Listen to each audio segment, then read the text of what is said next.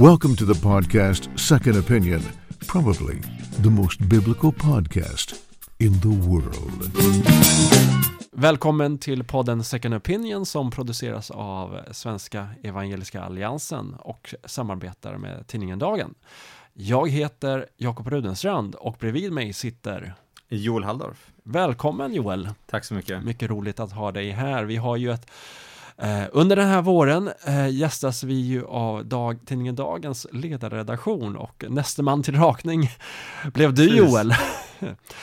och eh, vid sidan om eh, ledarskribent på Dagen så har kan man ju säga att du har ju många lyrar, eh, många strängar på din lyra. Ja, jag kommer precis från Teologiska högskolan Stockholm då, där jag är eh, lärare och leder ett forskningsprogram som heter Kyrka i samtid. Och sedan så eh, skriver jag ju då, förutom för tidningen Dagen, också för Expressen, eh, Kultur och eh, numera också tidningen Fokus. Så att det är lite av varje. Ja, men väldigt roligt. Berätta lite kort, Kyrka i samtid, vad, vad går den kursen ut på? Ja, det är, vi, THS fick rätten att eh, examinera dok, eh, doktorer, teologidoktorer för ett par år sedan och vi har satt igång forskningsprogram i de olika ämnena och vårt forskningsprogram i, kyrk, i praktisk teologi med kyrkohistoria heter just Kyrka i samtid. Så där har vi tio doktorandprojekt igång som alla undersöker eh, vad det är att vara kyrka idag i liksom det senmoderna eh, Sverige. Och de är ute i församlingsmiljöer och samlar material och intervjuar och, och gör deltagande observationer och så. Så det är, jättespännande. Vi, vi, vi har väldigt mycket kul projekt på gång där. Mm, men det låter väldigt spännande, säkert eh, någonting som vi kan återkomma till. Ja, men det hoppas jag verkligen.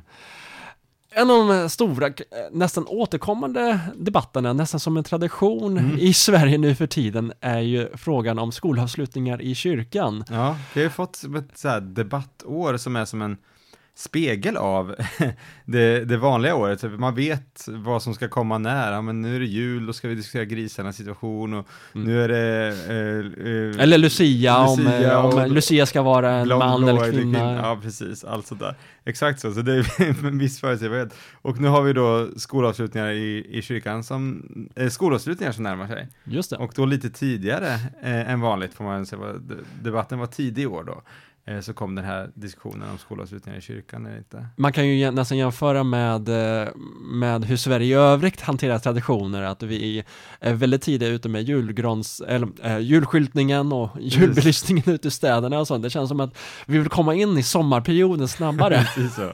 Precis så. Och därför har ju, kan man ju nästan säga att den här debatten har dragit igång. Äh, den drog ju igång nästan på allvar när Eh, kyrkoherden Judith Fagrell i Sävare kyrka sa nej till skolavslutningar. Eh, hon har ju fått väldigt många reaktioner på det här mm. och eh, hon, hon, kommenterar eh, hela det här, eh, vad hon upplever som att eh, skolan och rektorn i synnerhet skulle gå in och styra över innehållet mm. eh, med att eh, jag har hellre 15 skolbarn här på påskvandring som vi håller i än 300 på en skolavslutning där skola och rektor styr innehållet. Ja. Ja, eh, jätte... Säger hon till Sveriges Television. Ja, men det är jättebra tycker jag att eh, Judith Fagrell tar upp den här diskussionen och att hon gör det på det här sättet. Hon är en, en, en klok präst på, på många sätt. Och Svenska kyrkan är ju här i ett läge där man måste välja mellan mellan så att säga, eh, kontaktyta, som är väldigt viktigt för, för Svenska kyrkan med sin folkkyrkoidentitet, eh, och så att säga att vara kyrka. Det är hela tiden det här valet för Svenska kyrkan, är man svenska eller är man kyrkan? Mm. Eh, och eh, förhoppningsvis kan man hålla ihop det, men här tycker då Fagrell att här går det för långt i att man måste ge upp kyrka för att vara en del av en, en svensk tradition. Så då väljer hon att, att säga nej helt enkelt. Mm. Eh, och det är ju, är ju modigt, både så att säga i reaktionerna på, på byn, eh, där hon är präst kan jag tänka mig, men också mm. gentemot Svenska kyrkan där många kanske tycker sitt still i båten nu, låt inte, eh, stör inte det här och så. Men, men jag tycker det är jättebra att man får mm. upp den här diskussionen och, och också visar på den här integriteten som hon gör mm. och, och kyrkans vägnar. Mm.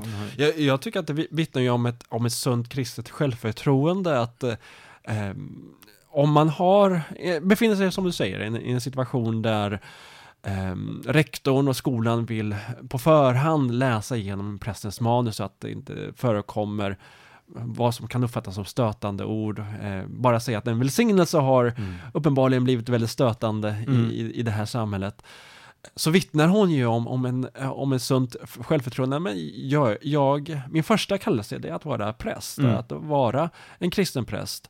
Ehm, sen är ju såklart skolorna välkomna att, att få ta del av Mm. eh, den kristna tron, av, av kultur och av historia och allt vad den kristna tron har betytt. Ja. Ehm, jag minns själv när jag gick, ehm, när, jag gick eh, lågstadiet, mellanstadiet så hade vi alltid skolavslutnings, sk- skolavslutningarna i den lokala pingstförsamlingen. ja, just det. Eh, och då var det ju inte främmande att man skulle, att man skulle tala om eh, att det här var en kyrka och att eh, allt vad det innebär med det. Ja, precis, och det är ju, det är ju självklart, och det, det är ju så att säga bara, eh, handlar om att skolan visar lite hyfs helt enkelt och att respekterar eh, Eh, den, den eh, alltså kyrkan som man möter och, och, och inte försöker hunsa eller styra eller, eller kontrollera. Men det blir också ett, ett lagstiftningsproblematik då, vad, vad som de uppfattar att de har för eh, för reglementen att följa. Och här är vi i ett läge där, det, där utgångspunkten i, för lagstiftare och så är att religion är någonting farligt och det måste kontrolleras av staten och det är någonting man kan bränna sig på rätt rejält. Och därför är det viktigt att man tonar ner sådana här saker. Och den är, det är inte en Eh, det, det är inte en sund hållning att skolan är med och förmedlar den här, eh, den här attityden till eleverna. För att det kommer att eh, göra det ännu svårare att leva i det här mångkulturella samhället som vi har, där religion är en del av människors vardag. Och då är det, och då är det, då är det snarare bra och sunt och nyttigt att eleverna får möta lite, lite enkel vardagsreligion, Mm, till skillnad från all den extrema religionsformen man läser om i tidningar och ser på tv vanligtvis. För då är det ju alltid bara när det har hänt något, när, när, när terrordåd eller sådana saker. Så att eh, det, det är olyckligt på många Mm. sätt det här, eh, Mm. att, de, eh, att, att staten och myndigheter agerar på det här sättet. Mm. Och inte minst för de, de troende eleverna Mm. med religiös bakgrund och i synnerhet en kristen bakgrund. Och många av dem har ju invandrat till Sverige. Mm. Eh, som, många också lever här som flyktingar. Eh, där deras, deras övertygelser beskrivs på något sätt, eller ha, försöker hanteras på något sätt att det är någonting som staten ska gå in och reglera och, Mm. och begränsa. Och, och, och det här perspektivet att, eh, att religion i sig, Mm. det är en vid kategori, är farligt. Mm. Man, inte går, man inte gör de här eh, nödvändiga distinktionerna och beskriver eh, religiösa övertygelser i sak och inte Mm. låter elever få ta del av, Mm. av vardagsreligiositet. Man, låt, man låter dem få ta del av en mängd andra saker som, som är, ska man säga, i många andra kulturer ganska så tabubelagda Mm. i, skolan, i skolans värld. Eh, just för att de ska konfronteras med verkligheten. Här har vi en verklighet Ja. som präglar en stor del av Sveriges befolkning. Eh, som man vill skydda, alltså skapa skyddade rum näst, nästan Ja, för precis, i, det i blir skolan. nästan lite trigger, trigger warn, warning-känsla. Och, och här är det ju också så att det finns ju gott om undersökningar och forskning som visar att det är, eh, alltså, det är inte lätt för, just som du säger, eh, troende elever i skolan. Skolan visar ofta, både lärare och andra elever, en ganska negativ eller okunnig eller fördomsfull Mm. eh, inställning till religion. Det, Karin Kittelman Flenser visade det. i sin avhandling och det kom en studie av, jag tror hon heter Linda Wikström, det ska jag inte svära på, den heter Det kommer, det kommer inte på tal, som också handlar om religion i skolan. Mm. Eh, och så det finns, det, det, det hade kunnat vara, det, det väger redan åt ett negativt håll i skolan, så att då hade man av det skälet också kunnat vara lite, lite taktfull. Mm, ja men verkligen. Förresten så hette hon nog Vikdal i efternamn. eh, Linda Vikdal.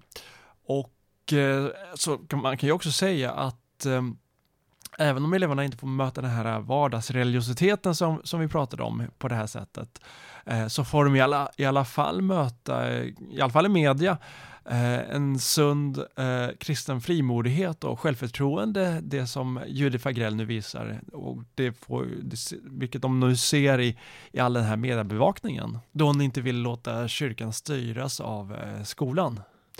Sen kommer det här ju, sen berör ju det här, eh, det här ämnet till stor del eh, hur vi hanterar eh, Sverige som ett land med en väldigt lång kristen historia. Ehm, det har ju varit en debatt nu på senaste tiden nästan som har varit vårens stora eh, värderings och ideologiska Mm. debatt, vilken betydelse har den kristna tron egentligen haft för vårt samhälle, eh, samhällssyn på i- individuella fri och rättigheter? Eh, det var ju, det var ju knappast Ebba Busch Thor eh, som började den debatten i, eh, i Expressen. Insatsen lite. Hon höjde insatsen lite grann, kul, jag. men, men debatten om, om det faktiskt är så att kristendomen har, har, har haft betydelse för Mm. hur vi ser på mänskliga fri och rättigheter har ju pågått under större delen av 1900-talet. Om, jag, om jag minns rätt så var det ju till och med eh, 1900-talets största ateistiska tänkare, Bertrand Russell, som, Ja.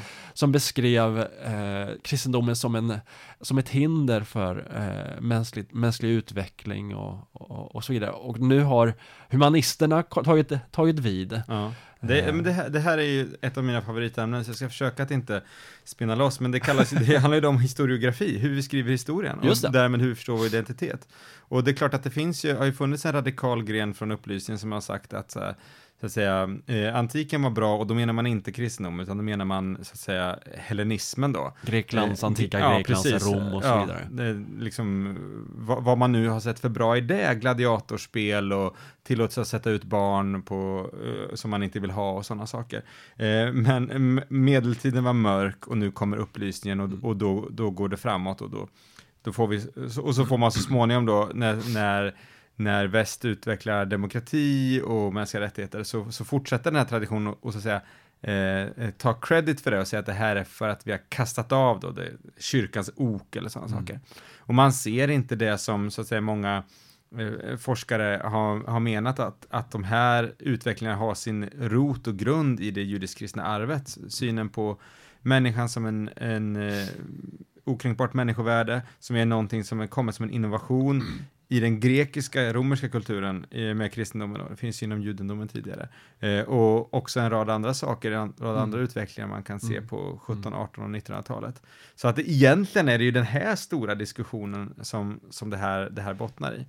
Precis, och den har ju tagits vid i, i, vår, i vår tid av inte minst humanisterna Mm. och jag läste ju det här svaret som Ebba Busch Thor fick. Hon, hon, hon eh, man skulle ju kunna invända mot henne att hon, Mm. att hon instrumentaliserar den kristna tro. Det är ju Mm. alltid lite problematiskt att som Ja. politiker använda eh, den kristna tron och vilken religion som helst som ett verktyg för att uppnå eh, goda, goda medborgare, Precis. något annat än vad, vad det syftet är. Mm. Eh, samtidigt så går det inte att komma ifrån det, fak- det historiska faktum att den kristna tron faktiskt har bidragit med människovärdets, Mm. idén om människovärdets okränkbarhet och eh, goda, me- goda medborgare och så Mm. vidare.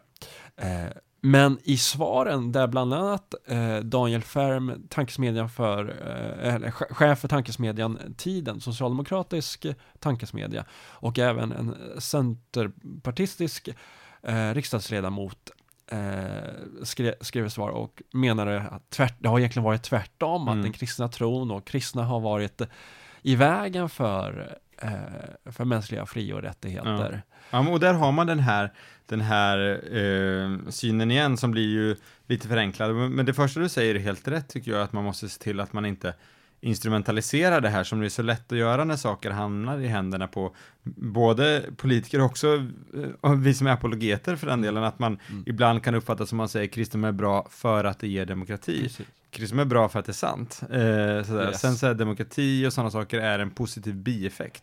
Mm. Men det är inte det är, det, är inte, det är inte därför man missionerar, det är inte därför. Mm. Men, men i ljuset av all den liksom, fördomsfull kritik som kommer mot kyrkan och kristen tro så har jag själv i mitt skrivande också tyckt att det varit viktigt att lyfta fram de här sakerna.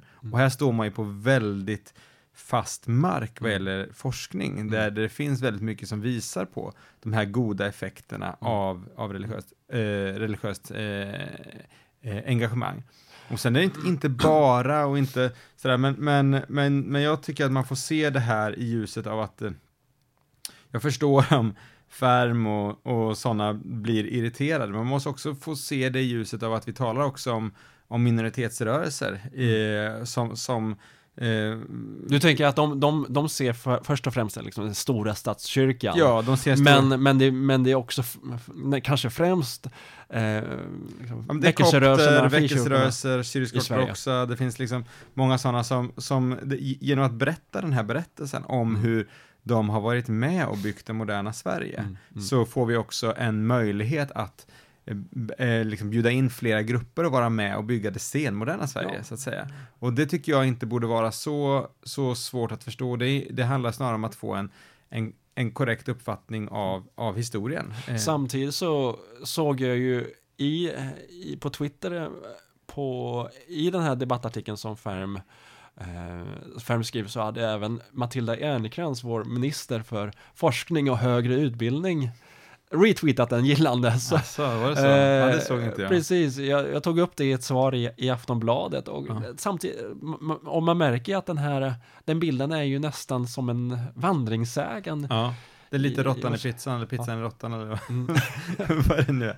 Så, nej men precis, det, det, den är, det är som att folk inte kan, kan tänka sig, eh, man är så inkörd på att, så att säga, en viss bild av religion, och det är ju sant att det har funnits kyrkor som under skeden har varit emot vissa demokratiska reformer. Mm. Så det, det, det, och, och där har Till vi ju- exempel apartheid i Sydaf- Apartheid i i Sydafrika. Och, och, och att delar av Svenska kyrkan ställde sig på, så här, mot den parlamentaristiska utvecklingen på 1800-talet, eh, precis som flera andra statskyrkor runt om i Europa. Men det var ju, eh, väckelserörelserna var ju tvärtom eh, bärare av demokratiska ideal. Så. Så, och, och det här blir ju ett problem också med, med Färms eh, eh, artikel, att han, att han använder kategorin religion som vi var inne på så, så, så brett och till och med kategorin kristendom i det här tillfället är någonting man måste liksom sp- spjälka upp lite noggrannare sett till liksom vilken kyrka, vilken epok och sådana saker. Mm. Det är samma sak som, som den här centerpartistiska riksdagsledamoten Mm. gjorde, eh, kom på vad han heter, han heter Nils Parup eh, Petersen från, från Skåne. Han, gör, han delar ju upp religion å, å ena sidan och liberala värderingar å andra Ja, sidan. det är ju Eh, bra och det är, alltså. det, är ju, det är också att jämföra äpplen och päron, Ja. eh, där man eh, egentligen borde tala om en, en specifik religiös åskådning och, eh, och de liberala värderingarna. Sen har ju hans liberala Hans liberalism en, en grund i, Ja. eh, i kristen tro. Man kan, man kan säga två saker om det där med liberalism och kristendom. Å ena sidan, en, en viss form av liberalism eh, är ju så tydligt kopplad till kristen tro, alltså frihetsbegreppet, individbegreppet, sådana saker har sin grund där. Sen så tror jag, det är en liten annan diskussion, men Alltså liberalismen i sin mer så här eh, laissez-faire-modell, så gör vad du vill så länge du inte skadar en annan. Den typen av liberalism skulle jag säga bara fungerar om det finns en stark religiös moral i ett samhälle, ett stark moral i samhället som kommer någon annanstans ifrån. Förutsättningsvis har det ju kommit från kyrkan. Så den typen av liksom låt gå liberalism har hela tiden, liberalismen i vilken form man än tänker sig den, har hela tiden byggt på att den har funnits en, en allians mellan liberalismen och kyrkan.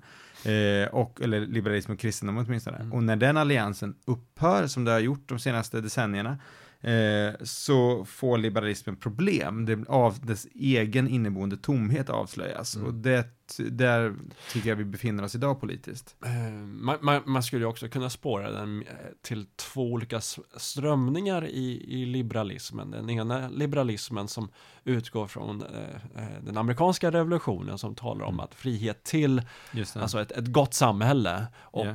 den liberalism som utgår, utgick från den, den franska revolutionen där det sades att man skulle strypa den sista kungen med inälvorna från eh, den sista prästen. Det. Eh, det är ett Precis. ganska så känt citat från, från den tiden, att man Ja. liksom vände sig mot all Ja. form av, av tradition och överhet. ja. Eh, självklart så var kyrkan eh, lierad med, med, Mm. med staten då, men man, eh, man skapar på så sätt också ut barnet med badvattnet. ja, men verkligen så. Eh, nej, men det var en intressant distinktion, det har jag inte, det har jag inte Eh, tänkt på. jag tror ja, det är författaren Os Guinness som har eh, lyft upp den dis distinktionen med, med de olika liberala strömningarna i västvärlden. Ja, Liksom. Ena går tillbaka till den amerikanska revolutionen och ena tillbaka till den franska revolutionen. Och det, jag- jag, jag tror att även om han, han utgår från den amerikanska situationen Mm. idag, vilken liksom, är en unik debatt i sig, Mm. eh, så tror jag att den är tillämpbar på stora delen av västvärldens eh, debatt när vi, när vi talar om det öppna fria, fria samhället. Ja. ja, men det där var jätteintressant. Det, ja. Nåväl, eh, det, finns ju såklart mycket Ja. att diskutera eh, om de här frågorna. Eh, man kan ju också, man, men man kan ju konstatera att eh, uppfattningen att kyrkan, den kristna tron har varit i vägen för, för utveckling och mänskliga fri, och fri och rättigheter lever kvar. Vi, eh, inom SIA kommer vi att ha ett, ha ett Almedalsseminarium om det här Ah, eh, under. Almedalsveckan där bland annat Daniel Färm kommer medverka. Jaha, vad roligt. Så det blir väldigt spännande. ja. Hälsa från mig. Eh, jag ska Jag göra, ska, ska, ska göra. Jag såg att ni, ni battlade lite Ja. grann på, på Twitter. Det var såklart, såklart. Och det, man kan ju också säga att med tanke på EU-valet så är det också, det här är en diskussion som har varit väldigt, också inte bara är Sverige ett kristet land utan är Europa en kristen kontinent. Just det.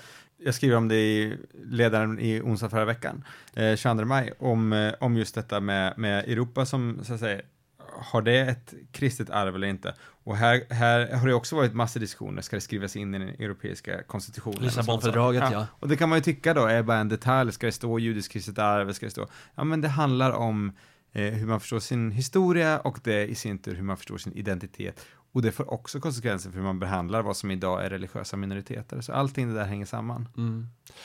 Samtidigt så är det ju viktigt att inte bara förstå eh, den kristna tron eh, rent teoretiskt, vad, vad dess betydelse har varit re- rent historiskt och så. Mm. Eh, och, vilket är ju väldigt viktigt för, för oss kristna, Mm. att vi också kan ha det här eh, sunda självförtroendet och frimodigheten som vi pra- pratade om inledningsvis, om, om att den kristna tron faktiskt har bidragit väldigt, väldigt mycket som vi ser som värdefullt. Mm. Eh, men i allt det, detta behövs ju också eh, ett praktiskt är ju den kristna tron ett praktiskt liv. Och Ja. jag vet att du, du har ju diskuterat och tänkt väldigt mycket kring eh, frågan om kristna praktiker. Ja, precis. Ja, men det där är, det tycker jag är viktigt att, och det är svårt att upprätthålla en, eh, så att säga, eh, avvikande identitet som, som minoritet, som då praktis, praktiserande kristna eh, gör i Sverige, att, att göra på ett annat sätt. Och det finns så mycket i det eh, senmoderna, postmoderna samhället som vi, som vi lever i, som på olika sätt eh, försvårar eh, kristna praktiker. Det kan ha att göra med, som du säger, distraktioner, som Mm. jag tror är.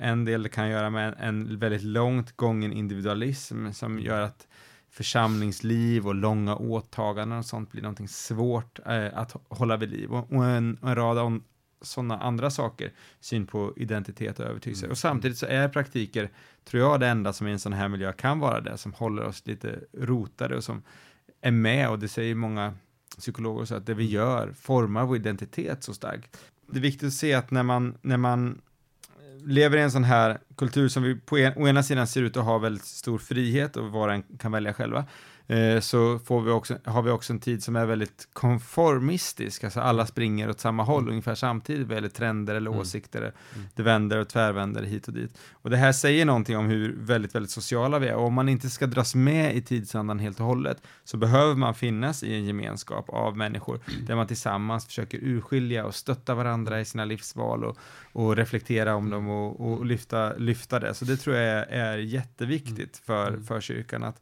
att verkligen bevara det här Mm. aktiva eh, liksom smågruppskristendom för att inte bara bli så att säga en, Mm. ett gungfly i tiden. Mm, Nej, precis. Att man inte en, vi slår slag nu på, nu, nu, nu avrundar det här för den lokala församlingen, men också Ja. den, den lilla gemenskapen Ja. i församlingen. Precis. Eh, där cellgrupper eller hemgrupper är så viktiga Mm. för att eh, bevara den här identiteten och Mm. hjälpa varandra i, i lärjungaskapets vandring. Mm. Eh, Och kristen tro är ingen ensam seglats. nej, det, det är vara, att det går inte att vara solo som, Precis. som kristen. Mm. Alldeles strax ska vi samtala med eh, Olof Edsinger eh, här på Svenska Evangeliska Alliansen om eh, kristen tro eh, i ett konsum stark konsumtionskultur. Tack så jättemycket Joel. Tack för att jag fick komma, roligt att samtala. The Swedish Evangelical Alliance. Christian faith and public opinion. Välkommen Olof. Eh, man får ju säga, säga det nu när du inte har varit med i podden på ett bra tag. Nej men precis, jag får göra lite comeback här för Precis. en vända. Jo, eh, innan pausen så samtalade ju Joel Halldorf och jag lite grann kring hur man som kristen kan behålla sin särart i ett väldigt starkt konsumtionskultur. Ehm, och under våren så gav du ju ut eh, en bok med titeln eh, Välsignat givande som vi på Svenska Evangeliska Alliansen gav ut och som vi också arrangerade seminarium kring. Vi kommer komma in lite grann på det seminariet lite grann senare. Eh, och de här frågorna har ju lite grann med varandra att göra. Både hur vi som kristna ser på ekonomi, eh, ekonomisk välsignelse, tionde eh, och att leva i ett västerländskt samhälle som är väldigt präglat av, av konsumtionism. Eh, inte bara att, liksom, att vi ska mm. handla saker, utan att vi handlar saker för att vi hittar vår identitet i det. Ja, nej men precis. Och, och, det är klart, det här med pengar och, och, ekonomi är ju ett väldigt centralt ämne också i Bibeln. Eh, det är ju påtagligt. Eh, jag tror att det är en tredjedel av alla Jesu liknelser som åtminstone använder bildspråk från ekonomin. Mm. Eh, och det säger ju också någonting. Man brukar tala om pengar, sex och makt som de tre stora frestelserna. Just det, och även en, ett av evangelierna är till och med skrivet av en, eh, av Matteus som ju, eh, vad säger man på engelska, tax collector. Ja men precis, tullindrivaren. Tullindrivaren. Förra, ja. ja. Just det. Nej men precis, nej men så att det här är ett ämne som, som följer med i Bibeln och det är en väldigt central del av det kristna lärjungaskapet tänker jag helt enkelt, att förhålla sig till pengarna och till mammon som Jesus talar om, mammon som är pengarnas avgud konsumism för mig handlar ju väldigt mycket om att, att vi ger pengarna och kanske ett, ett mindset också kopplat till det. Vi kommer väl tillbaka till det senare också, men att, att vi sätter det i centrum av våra liv på ett sätt som det inte ska vara. Och det är det som blir väldigt mycket lärjungaskapets fråga då. Hur kan jag uttrycka på pengarnas område att det är Jesus som är min Herre? Mm. Det är den frågan som på något vis öppnar upp för så många av de här bitarna. Det här är ju inte någonting som SIA har arbetat med, med väldigt mycket med just i, i Sverige. Våra, våra kollegor ute i eh, ute internationellt på olika evangeliska allianser har ju mer bearbetat de här frågorna. Inte minst i Lausanne-rörelsen har man ju tagit upp frågor som har med eh, en väldigt utpräglad framgångsteologi, inte minst hur det eh, har påverkat den afrikanska kontinenten på ett eh, mm. väldigt mm. negativt sätt. Eh, där man ser pastorer som skor sig på, på sina församlingsmedlemmars ehm, eh, bekostnad. I, I Sverige så, så finns ju också den här lite bilden av att ge så ska man bli ekonomiskt välsignad. Ja, nej, men precis. Och och i, i den här boken så försöker jag gå in på, på några av de här Också lite komplicerade teologiska frågor ändå, får man ju säga, kring ekonomisk välsignelse och också det här med tiondegivande, eh, som är en central del av, av undervisning, tror jag, i många frikyrkor, eh, men som inte är helt lätt att riktigt bena ut. Vad är vad? Hur ska vi tänka kring vad som är så att säga frivilligt och vad är vi ålagda som, som kristna? Eh, om man tar det internationella så är det ju ett jätteproblem, som du säger, inte minst i Afrika, där man nu också har en slags folklig föreställning att om man är så att säga ja men välsignad. Om man är så att säga, har Guds välbehag över sig så, så märks det också väldigt tydligt i, i ens ekonomi och då blir ju också att de här pastorerna då som samlar enorma rikedomar ibland, mm. att det finns en slags kulturell stöd för det, att om det här är verkligen en riktig gudsman, då ska mm. man vara rik. Ja, det finns en form av statusmarkör. Precis, så att folk på något vis inte ser det skeva som blir i att, att man liksom vältrar sig i pengar då, som ju trots allt är, är väldigt långt från det ideal som, mm. som Bibeln målar upp för oss. Ja. Men sen tror jag ju att det finns en genuin välsignelse. Eh, Jesus talar ju också om det, även i, i rent ekonomiska termer, men, men jag tror att eh, det som blir fel är när vi reducera det till att handla just om, om att jag typ, om jag sätter in, om jag ger 10 kronor så får jag 100 tillbaka. Alltså det finns absolut ingen sån orsak och verkan princip i, i Nya Testamentet. Som Ungefär som att man, man, man behandlar Gud som en enarmad bandit. Det blir ju att lite om man stoppar in myntet och eh, med, med rätt form av bön och rätt form av tro så får man tillbaka hundrafalt, tusenfalt ibland. Lite så, och, och jag tänker att det är mycket mer dynamiskt i Nya Testamentet. Uh, att uh, Petrus frågar vid ett tillfälle, vad ska vi få, vi som har liksom lämnat allt och följt dig? Och där bekräftar ju Jesus att, att vi ska få eh, också materiell eh, omsorg, eh, åkrar och allt vad han nämner så. Men han nämner ju faktiskt ännu mycket mer att vi ska få en, en kristen gemenskap att, att ty oss till, att kristna mm. syskon och alltså och det är det jag menar med dynamiken här, att, att välsignelsen i det kristna livet eh, tar sig så många uttryck och det blir väldigt fel om vi ensidigt fokuserar på, på pengarna bara. Men de finns ju där och jag får som kristen räkna med att om Gud eh, kallar mig till någonting till exempel så har han också ekonomin i sin hand. Det är en självklar del av, av min tro. Och sen finns ju också många löften där, där, där Jesus lovar lidande Precis. för, eh, för den kristne, eh, även om man Eh, även om man i, vissa kretsar kanske blundar för, för de löftena. Jo då, och Paulus säger uttryckligen att han kan leva i överflöd, men han kan också leva i fattigdom. Vilket Och- han ju var ett exempel på. Ja, och man får ingen känsla att han skulle ha varit mindre välsignad när han levde i fattigdom. Och det tror jag är det som är viktigt att säga att det finns olika säsonger också och, och Gud kan vara lika närvarande eh, även i, i väldigt olika omständigheter. Sen finns det ju också en annan bild av när man tittar på just eh, ekonom, eh, diskussion kring ekonomi i, i Nya Testamentet. Och det är inte minst när man tittar på den första församlingen i Apostlagärningarna, de första kapitlen där, där man menar att det skulle på något sätt förorda en form av planekonomi, nästan lite att de skulle vara någon form av protomarxister eller Ja, precis. förordar någon form av socialism där, där man för över nytida diskussioner kring, kring ekonomi och, och eh, politik på, eh, på den första församlingen kring år 30. Ja, och det är jag ju också själv väldigt tveksam till. Men om man säger det positiva så, så tänker jag att det är ett fantastiskt starkt vittnesbörd att man i Jerusalemförsamlingen var beredd till den egendomsgemenskapen och, och på något sätt finns det ju ett ideal där att, att sträcka sig mot, att, att kunna ha en sån på en viss generös hållning. Eh, samtidigt så finns det ju några saker som skiljer det väldigt starkt från socialismen eh, och det viktigaste är ju att det var frivilligt. Precis, den, den var inte påtvingad Alltså, från socialismen har ju kommit uppifrån och på sagt att, att nu ska alla in i detta system väldigt mycket. Men, men eh, här var det frivilligt eh, och eh, sen vet vi ju dessutom och, och man kanske inte ska driva den punkten för långt, men faktum är att Jerusalemförsamlingen fick väldiga problem efter ett tag, just också ekonomiskt. Paulus fick ju dra igång insamlingar till den församlingen. Nu finns det olika teorier om orsaken till det och det var troligen också en svältkatastrof kanske där i krokarna. Men, men helt klart är att de flesta församlingar i urkyrkan inte tog efter det. Mm. Eh, Så att ja, det är ett fantastiskt föredöme, men det är ingen modell som vi självklart behöver anamma i, i alla våra kyrkor. Sen, sen finns ju också den här, eh, sen går det ju också ett invändning mot att det skulle vara någon form av eh, att, att, att Bibeln förordar någon form av hårdragen kapitalism i det att eh, församlingen tog hand om varandra. Det var ett, på ett sätt ett välfärdssamhälle i miniatyr som, som just byggde på frivillighet och som Absolut. eh, betonar just omsorgen om, om änkan, om den faderlösa, om, om främlingen och så vidare. Ja, och det var ju naturligtvis långt före välfärdsstaten, så att, så att, eh, och det är ju inte så långt tillbaka i Sveriges historia heller, där byagemenskaper och liknande har behövt ta sådana ansvar för varandra. Och, och där tänker jag att, att vi har fortsatt ett ansvar i den kristna församlingen att naturligtvis ta hand om varandra och, och särskilt eh, de som har knapert ekonomiskt, att, att vi också kan vara med och stötta.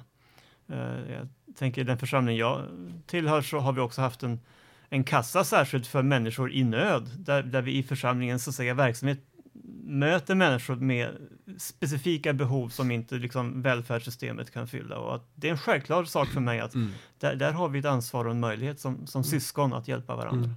Jag, jag minns själv eh, för, för ett par år sedan så gick jag förbi, det var kring lunchtid som jag gick förbi Sankta Clara kyrka här i Stockholm och då var det en, en, en mycket lång kö fram till deras eh, eh, matbord. Ja, de, har ju, de har ju matutdelning, eh, ofta eh, kring lunchtid.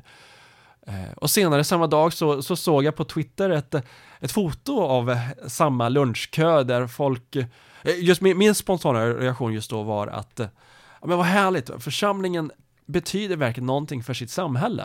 Men sen på, men sen på, sen på samma dag så såg jag på Twitter eh, sam, ett foto från samma tillfälle där folk förfärade sig över att folk behövde gå till kyrkan för att få, eh, för att få mat, för att få stöd, för att det här skulle man egentligen få från staten. Jo, men det är ju lite den svenska sjukan på något vis, där man har svårt att uppskatta civilsamhället överhuvudtaget egentligen. Det är ju lite den svenska modellen som det talas så mycket om. Ja, I den ingår ju också det att eh, Att vi ska vara väldigt starka individer. Eh, starka och, individer och stark stat. Och stark stat, och ganska stort svagt, förtroende. svagt eh, samhälle, så att säga, civilsamhälle. Men, men där tror jag verkligen Bibeln uppmuntrar till, till ett större åtagande. Ja, nej, men, och det finns mycket att säga om pengar. Jag tänker också det här med, med tiondegivandet. Um, är ju någonting som man har haft lite olika hållning till genom åren och i olika sammanhang. Uh, och jag kan bara nämna det att, att jag tror fortfarande att tiondet är relevant. Mm. Um, inte som en tvingande princip, för jag ser inte det som en, en lag som vi måste till varje pris uppfylla. Uh, men jag har samtidigt väldigt svårt att se varför skulle jag som kristen som har fått en helig andes gåva vara utifrån det mindre generös med mina tillgångar än uh, det gamla förbundets folk. Mm. Eh, innan andens utgjutande. Jag ser liksom ingen logik att jag skulle vara snålare bara för att jag tillhör nya förbundet. Alltså man ska liksom ha en större egoism när när vi egentligen alla tillhör, hela vi tillhör Kristus. Ja, och det är precis det egentligen som är den teologiska sanningen bakom tiondet, att tiondet var ju kungens andel. Och någonstans så vittnar jag med mitt givande, vem faktiskt, då är vi tillbaka till frågan, vem är mm. min herre? Ja, vem är min kung? Och jag tycker det är en spännande linje, att vi behöver följa den genom hela Bibeln. Hur kan jag också med mina tillgångar uttrycka att Jesus är min Herre och min kung? Och tiondet tänker jag är ett bra exempel på det. Jag, jag visar med mitt givande att jag sätter honom främst. Och jag tänker till och med så här att, eh, och det skriver jag också om i boken, att eh, varför nöja sig med tionde i alla lägen? Mm. Eh, just för att det inte är en lag kan jag ju känna stor frihet att uh, vara ännu mer generös. Mm. Uh, och det får naturligtvis Guds ande leda var och en uh, vad det innebär. Men, men jag tycker Paulus öppnar väldigt tydligt för det när han talar om, om faktiskt utjämning till och med mellan de kristna församlingarna. Och det är klart, tar vi in de perspektiven på djupet blir det väldigt utmanande. Mm, verkligen. Eh, om, men man kan ju också krasst konstatera att om man blickar ut över Sverige idag och tittar på de kristna församlingarna uppenbarligen så är det så att inte alla ger tionde. Man, man vill inte gå in i, och, och, kontrollera eh, liksom varje enskild person, varje enskild medlem. Men jag har för mig att för något år sedan så var det en pastor som skrev en artikel att om varje medlem i någon av Evangeliska Frikyrkans eh, församlingar skulle ge 10% av sin inkomst, då skulle man med råge täcka hela missionsbudgeten. Ja, ja, kära någon. Alltså, jag har siffror från USA där man har gjort ganska breda undersökningar och där är det mellan 2-3% av årsinkomsten som eh, församlingsbesökarna ger. Däremot så vet jag att pastorer Uh, i ganska hög utsträckning ger tionde. Uh, Tittar man på, menar du USA eller ja, Sverige? Jag tror att det var USA. Okay. Uh, jag skulle tro att siffrorna är ungefär samma här. och vi vet ju att de sammanhang som har en aktiv undervisning kring givande, där är det också ett högre givande. Och jag tror att vi behöver på något reclaima lite grann den undervisningen. jag tycker ofta att jag möter en slags ursäktande hållning kring det här med pengar och ekonomi i kyrkan, att man faktiskt nästan ber om ursäkt för att man har kollekt och liknande. Um, jag tror att det är fel approach helt enkelt. Jag, jag, tror att vi ska vara... Man ska inte be om ursäkt eh, Nej, för, för jag tänker så här, eh, Jag som kristen i ett välfärdssamhälle och i konsumtionskultur behöver faktiskt lära mig att ge just för att motverka de här tendenserna till både egoism och konsumism.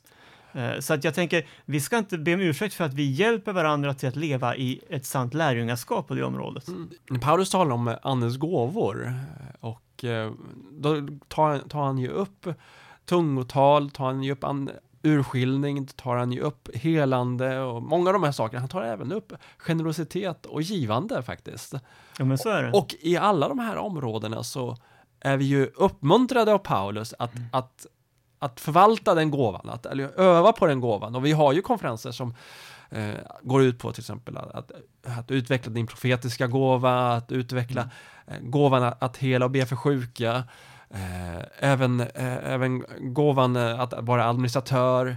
Men eh, vi har ju sällan konferenser och kurser om att utveckla gåvan att vara generös och mm. att ge. Ja, men det är en jättebra poäng.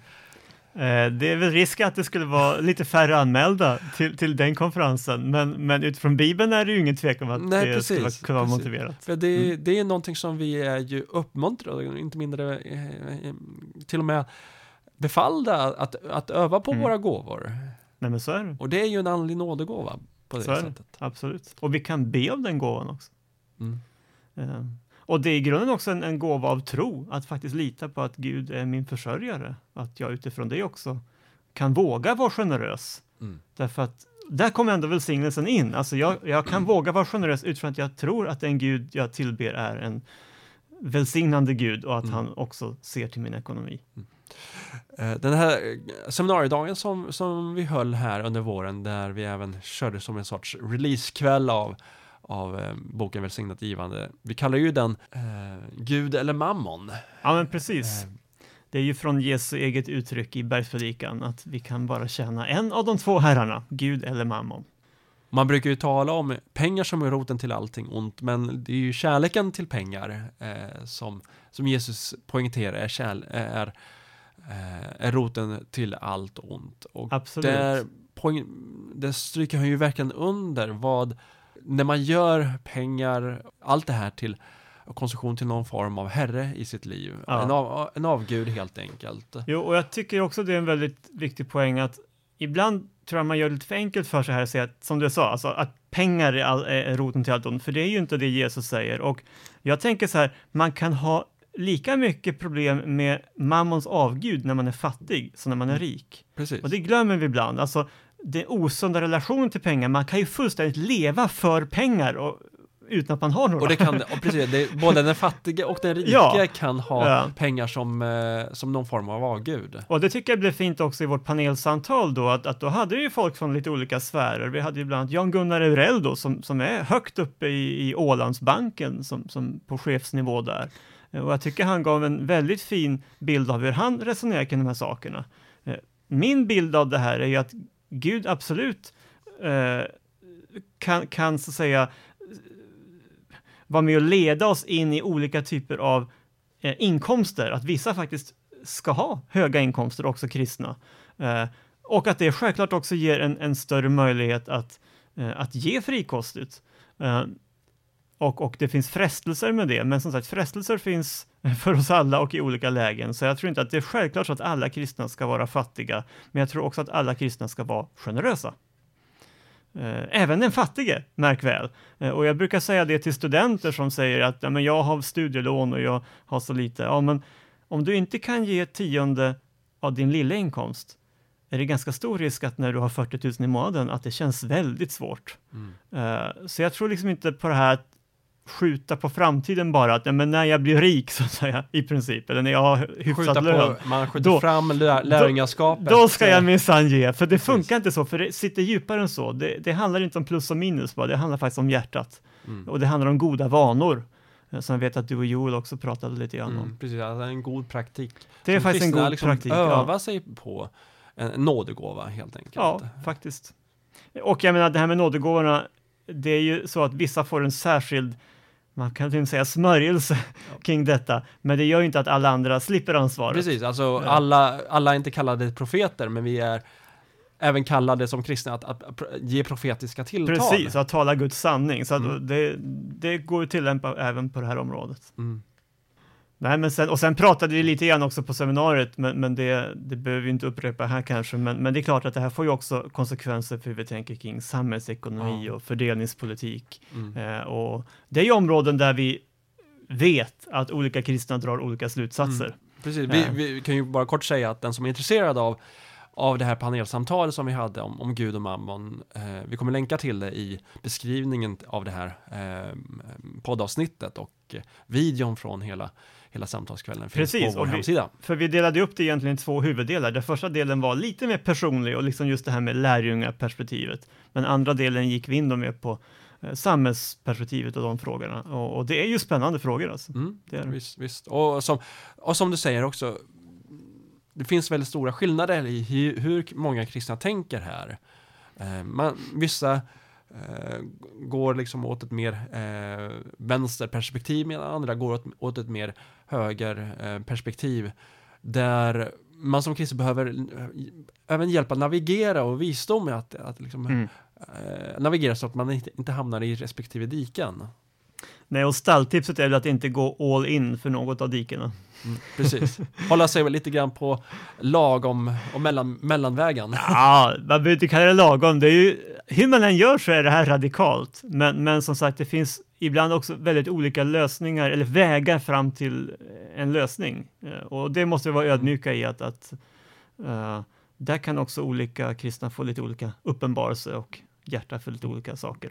Men som vi ändå var inne på, tror ändå att, att Bibeln till exempel väldigt starkt slår fast att det finns en äganderätt, att det bör finnas en frivillighet, alltså att, att exempel... tvångsexpropriera massa egendom, typ kommunism, så, det, det, tror jag ändå man ganska tydligt kan säga att det är inte en kristen väg. Men vulgär eh, materialismen är ju minst lika uppenbart mm. någonting icke-kristet. Och det är, det är, inte minst de tio budorden går ju in på båda de här perspektiven, att alltså, du, ska, du ska inte stjäla, och det innebär att någon annan äger det, ja, att man liksom ja. i relation till sin medmänniska äger, men i relation till Gud är förvaltare för av det, av det man har. Men också att man, man, inte kallar, man också kallar det att inte skapa avgudar och, och materialism är ju en form mm. av avgudadyrkan strikt, mm. Eh, i strikt mening. Verkligen, väldigt bra sammanfattat faktiskt. Ja.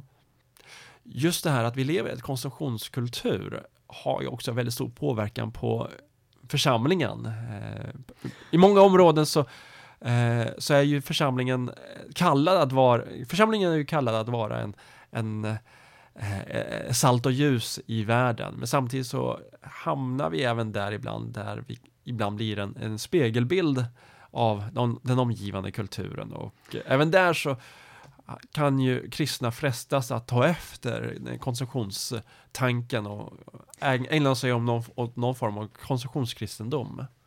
Ja, nej, men visst är det så och det gäller ju verkligen inte bara på pengarnas område, utan det är hela det här mindsetet. Jag menar, what's in it for me är väl på minst sammanfattningen av, av konsumtionshållningen, där man på vis, för det första utgår väldigt mycket från sig själv, individualismen eh, och eh, väldigt mycket riktningen, hur kan jag bli bekräftad? Och det är naturligtvis inte i alla lägen fel att, att man, man har den längtan. Men, men jag tror att, att det har påverkat allt ifrån hur vi firar gudstjänst till hur vi tänker kring de här sakerna med, med ekonomi och liknande. Um, jag tror också det påverkar vårt sätt att, att nalkas Gud. Um, och man talar ju också om vår tid som narcissistisk. Det finns ju många, många begrepp, men det narcissistiska står ju väldigt mycket just för självcentreringen. Det är lite grann, fyller min egen tomhet genom andra. Det blir lätt att jag gör andra till medel för att tillfredsställa mina behov och kanske min trasighet. Eh, och, och där ser man ju rätt tydligt att även Gud dras in i den ekvationen, så att Gud på något vis börjar existera, inte oberoende av mig, utan nästan han blir till för mig, så att jag skapa min egen gudsbild, det som passar mig, det jag eh, längtar efter, det det jag söker efter hos Gud och det jag kanske då inte tycker mig ha behov av, det tar jag ganska stora friheter att sortera bort. Um, och jag tänker då att ofta idag när vi läser Bibeln så, så bara filtrerar vi bort mycket av det som um, ja, både kanske inte politiskt korrekt, men faktiskt också det som vi upplever som lite mer utmanande sidor i, i beskrivningen av Gud. Mm. Ja, om man skulle eh, ta just som ett exempel så finns det ju en eh, tendens i, i, vissa sammanhang att eh, tala om Gud mer som en coach, eller den helige ja, ande som en coach. Eh, som är till för att, att skapa det bästa du. Att man ska liksom eh, bli eh, för, mer förverkligad och det är, det är du själv som är det största projektet. Ja. Medan som kristen är ju att vi lever för Guds ära, att, att, vi, att vi behöver försonas i vår relation till, till Fadern och att Jesus har gått i döden för, för vår syns skull. Eh, inte att, att vi ska få eh, vårt liv fast som en plusmeny. Nej, men precis. Jag brukar egentligen tänka på, på Herrens bön. Jag menar, den börjar ju med, alltså vår fader som är i himlen, helgat vare ditt namn, tillkommer ditt rike, ske din vilja. Alltså där sätts ju liksom hela perspektivet. Det sätts ju standarden i relation till, tillkommer mitt rike, ja. ske min vilja och så vidare. Precis, för tyvärr tror jag ganska ofta vi direkt eller indirekt ber ber så. Ske min vilja, tillkommer mitt rike, bygg mitt imperium. Eh, vi får ju be, eh, ge oss idag det bröd vi behöver, mm. men det kommer ganska mycket längre ner, mm. alltså när vi på har satt den här självklara grundläggande fokuset.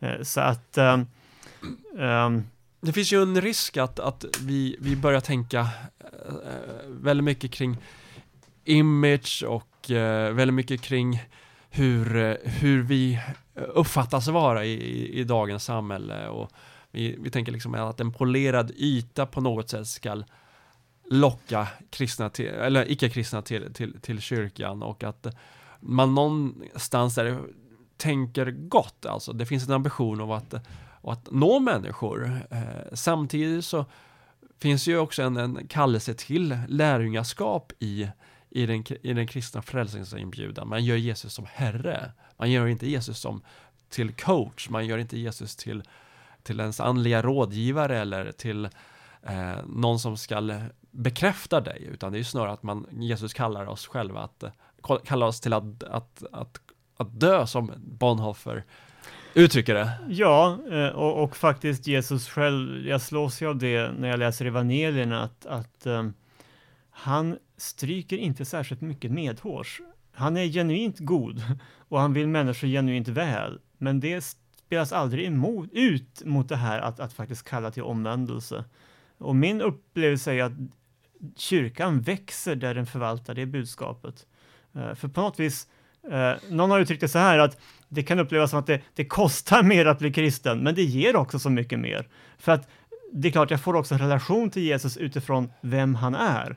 Min bild är att den här uh, lite mer narcissistiska gudsbilden, där Gud är till för mig och bara på en speglar mina önskningar och behov, den kan ju kännas tilltalande, men på något vis så vidgar den inte mitt system. Allt kretsar ju fortfarande kring mig. Mm. Eh, och efter ett tag så blir det ganska, ja, Du är fortfarande jo, alltså universums centrum. Ja, och vis då, eh, Gud funkar inte på den våglängden. Så efter ett tag så, så märker man att det på bara bleknar, det blir inte the real thing och då eh, faktiskt glider många bort ifrån tron. Så att väckelse har ju aldrig skett i spåren av den förkunnelsen. Man har kunnat samla människor kanske, men, men genuin väckelse där människor får sina liv förvandlade kräver ju också en, faktiskt en stor Gud. Mm. Och eh, då kan inte vi reducera honom utifrån våra önskemål bara. Tack så jättemycket Olof för att du medverkade i, i podden igen. Absolut! Och för dig som lyssnar är vi såklart intresserade av dina frågor och åsikter om de ämnen som vi berör här i podden Second Opinion. Och om du vill stötta Svenska Evangeliska Alliansens arbete ekonomiskt finns det möjlighet att göra det om du går in på www.sea.nu och klickar på knappen där det står Stöd oss. Vi hörs igen om en månad. Welcome to the podcast Second Opinion, God's favorite podcast on earth.